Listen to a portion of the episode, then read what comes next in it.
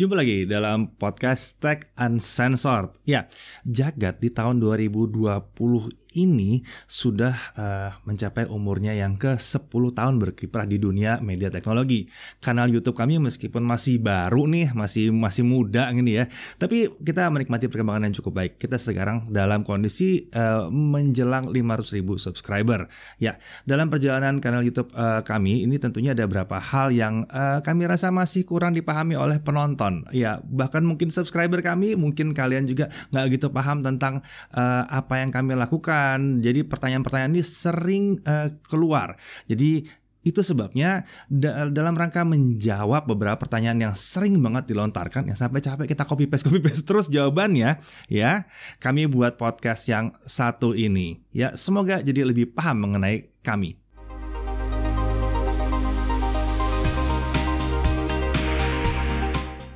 Oke, okay, podcast ini bisa kalian temukan di berbagai macam platform podcast dan tentunya di YouTube juga ya.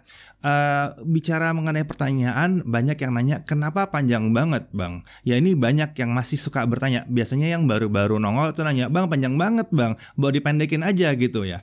Oke, okay, ya video di kanal YouTube uh, Jaga TV emang cenderung lebih panjang karena kami berusaha nambahin uh, detail-detail uh, yang kami rasa dibutuhkan. Berbicara terlalu cepat itu nanti kalau mau dicepetin ya akan lebih susah dipahami. Ya buat kalian ada yang bilang dicepetin aja 1,2 kali, 1,5 kali ya terserah sih suka-suka aja sebetulnya gitu ya. Nah, uh, memang kalau kita pakai jargon teknologi itu akan jadi hemat. Tapi kalau nggak dijelaskan, apa jadinya nggak bikin masalah dengan jargon-jargon ini? Misalnya nih, contohnya nih kalau kita mau ngomong pendek gitu ya. Tentunya dengan pakai SOC baru ini akan lebih baik untuk fotografi. Pendek kan? Sederhana kan?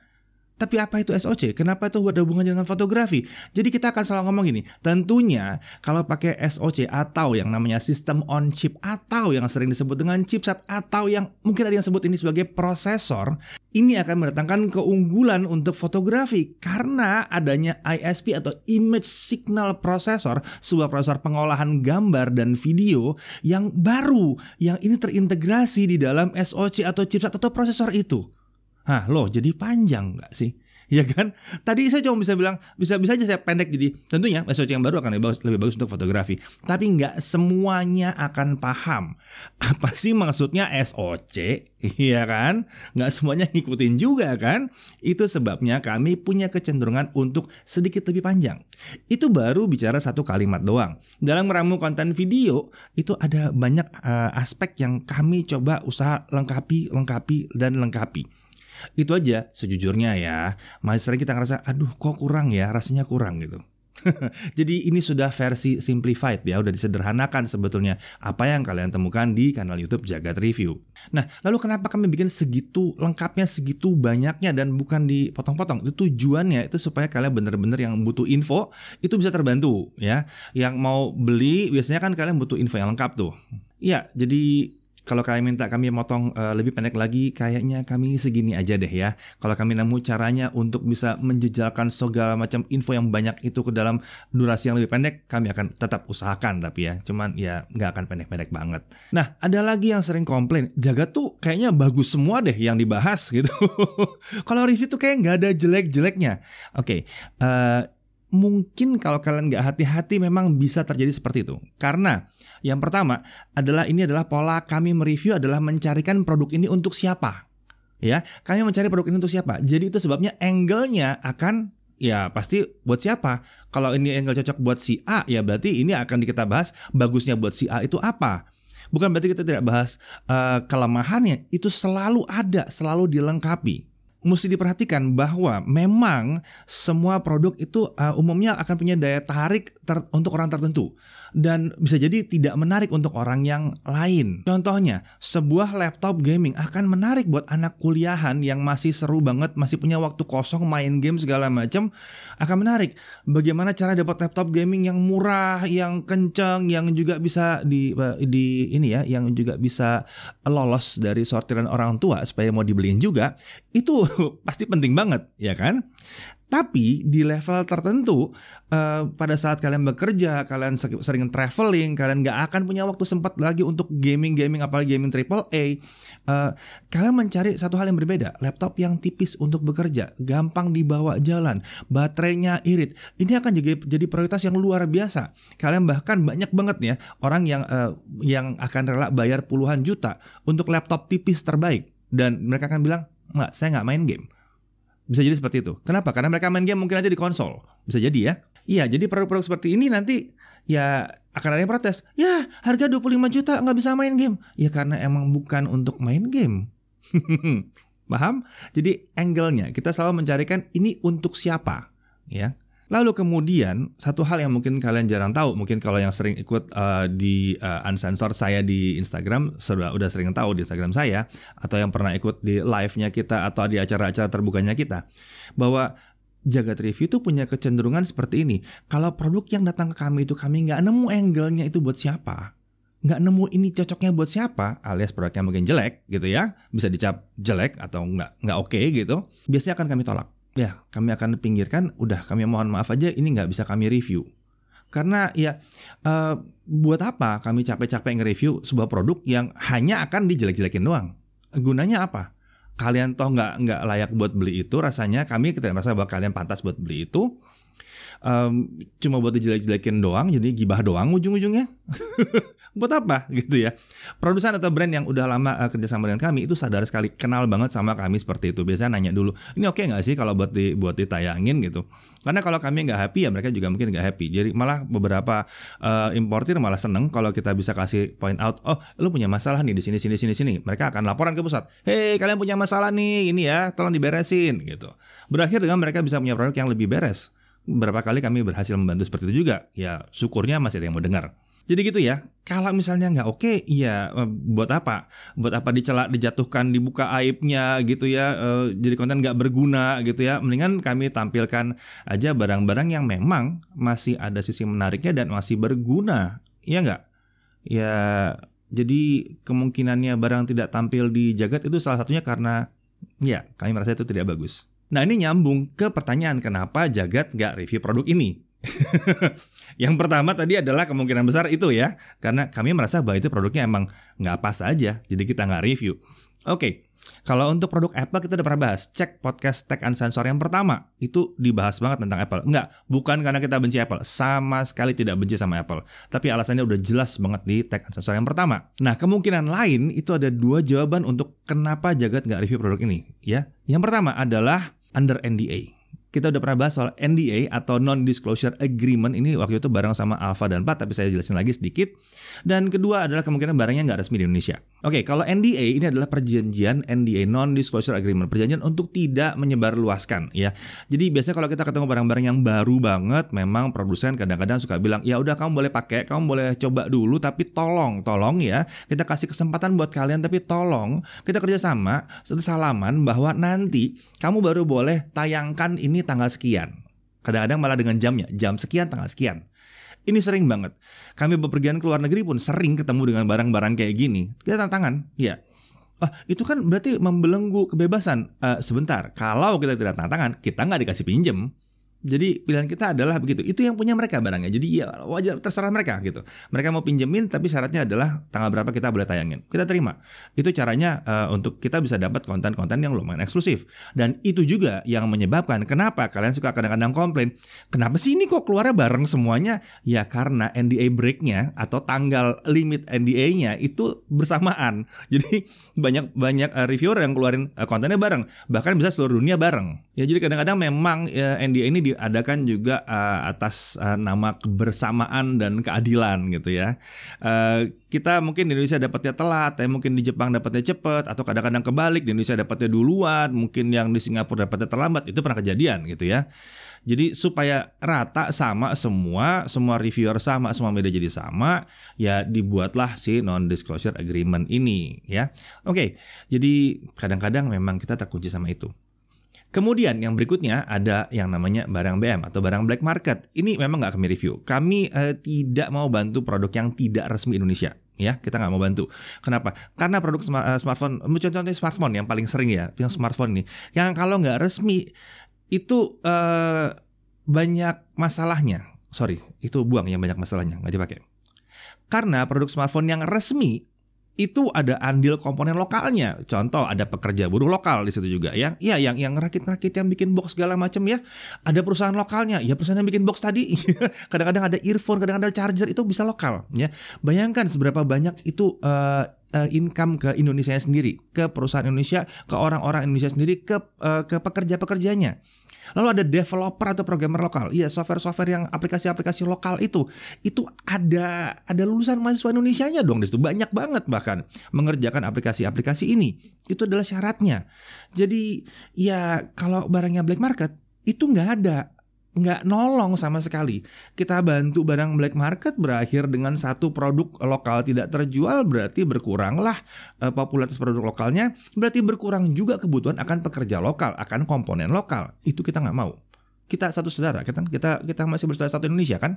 Iya, nggak bisa. Kita nggak suka itu. Kita nggak suka kalau produk BM yang nggak lolos TKDN itu tiba-tiba jadi besar banyak yang nyari. Itu mereka masuk ke Indonesia bahkan kucing-kucingan ya.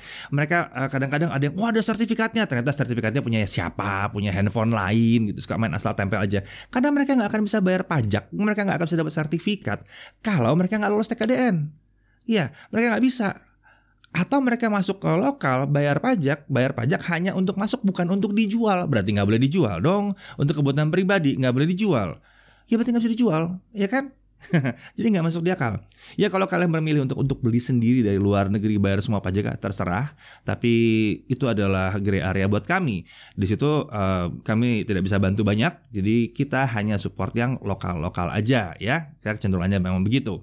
Nah, kemudian permintaan juga banyak di sini komparasi dong versus yang ini versus yang itu. Oke, oke, oke, oke, oke. Kami paham, uh, kalian emang uh, butuh uh, menentukan produk mana yang selayaknya dibeli, ya kan? Dan kadang-kadang ada dua produk yang bikin bingung. Komparasi atau versus emang jadi pilihan yang menyenangkan buat kalian karena gampang sekali. Masalahnya, sebuah video komparasi itu harusnya panjang atau bahkan ekstra panjang. Kami bikin uh, percobaan waktu itu sebetulnya kalau kalian pernah lihat uh, sebuah review, sebenarnya komparasi versus Realme 6 versus Realme 6 Pro. Itu adalah review komparasi ya. Itu sengaja dibuat uh, karena kita mau lihat gimana sih uh, seberapa lama kalau kita serius komparasi dan kita ambil Realme sama Realme. Kenapa? Karena akan banyak hal yang sama, jadi nggak perlu diulang-ulang terus, ya kan? Mudah banget nggak usah diulang-ulang. Hasilnya adalah sebuah video 40 menitan setelah dipotong gila-gilaan. itu karena banyak part yang sama. Pada saat membandingkan antar brand, baru ngomong UI aja itu udah panjang ceritanya. Si ini begini, si itu begini, itu udah panjang, nggak sederhana itu. Begitu ngomong performance juga udah jauh banget bedanya. Nanti menunya udah jauh banget ya kan, menu UI performance, kameranya ntar jauh banget juga bedanya, toning tune-nya udah akan beda banget, support game, support charger, sampai ke support-support lainnya, support garansi segala macam itu bisa jadi beda banget. Ya, itu sebabnya kenapa kami mencoba untuk menghindarkan dua smartphone dengan brand berbeda dibandingkan kita bicara satu jam mungkin reviewnya. Lama banget karena itu sama dengan mereview dua smartphone, cuma kondisinya nanti dibanding-bandingin, itu aja, sederhana.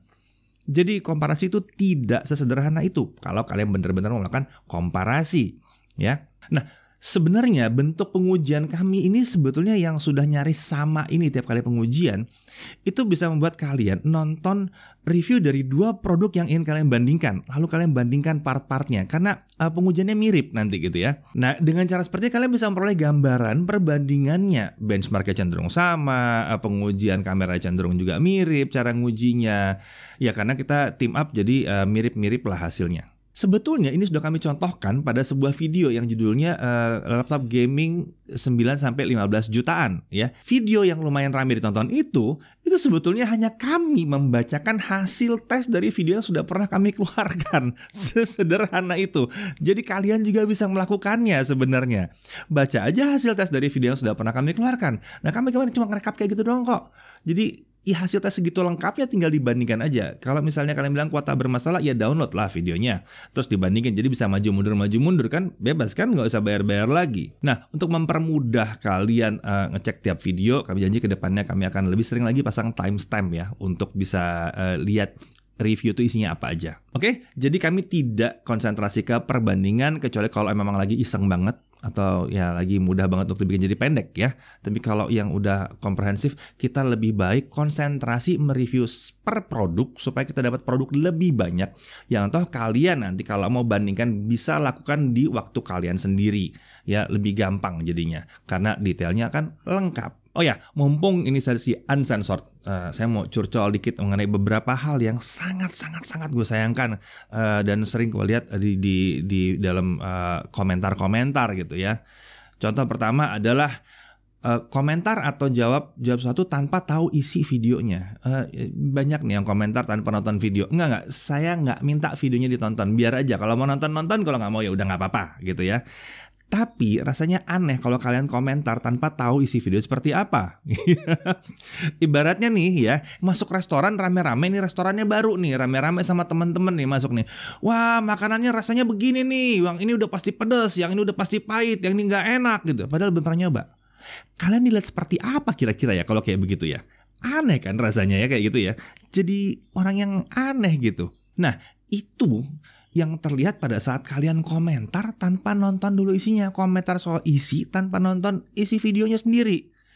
Yang lebih aneh lagi ada yang nanya, ehm, ini sebetulnya fiturnya ada nggak? Jelas-jelas dalam videonya dibahas. Terus ngapain ada videonya kalau kalian kalau kalian nanya fiturnya ada tidak? Ya kan agak agak aneh sih memang jadinya.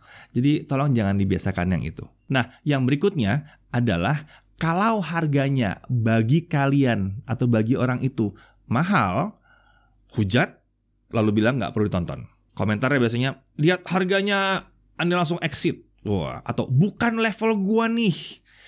Uh, ini mah buat sultan, nah, gitu ya. Ini ini ini sebetulnya yang paling uh, bikin gua sedih banget. Ya, sekali lagi bukan karena kalian tidak nonton. Saya nggak ada masalah kalau kalian nggak nonton. Kalau kalian suka nonton, kalau nggak suka ya nggak usah, gitu. Nggak uh, apa-apa. Tapi pola pikir bahwa kalau nggak kebeli sekarang itu artinya tidak perlu dipelajari itu salah banget. Maaf, tapi itu salah banget. Salah banget. Oke, gue buka-bukaan nih background ya.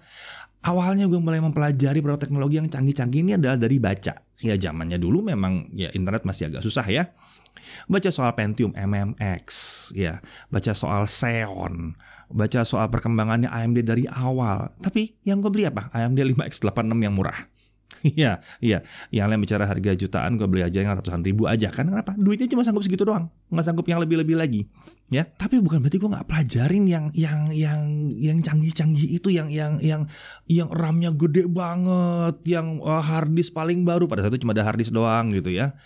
Uh, karena itu itu semua gue pelajarin itu membuat jadi paham. Karena paham banyak temennya minta pendapat gitu ya. Berakhir dengan gue jadi orang yang dimintain tolong sama teman-teman untuk beliin parts komputer yang pas. Waktu itu komputer doang nggak ada gadget ya handphone ya masih masih nggak seperti sekarang gitu. Lalu lanjut gara-gara sering belanja di toko dapat persenan dari toko. Jadi gue beliin buat temen gue terus tiba-tiba tokonya bilang nih buat lu. Lumayan ya ada pesampingan gitu ya.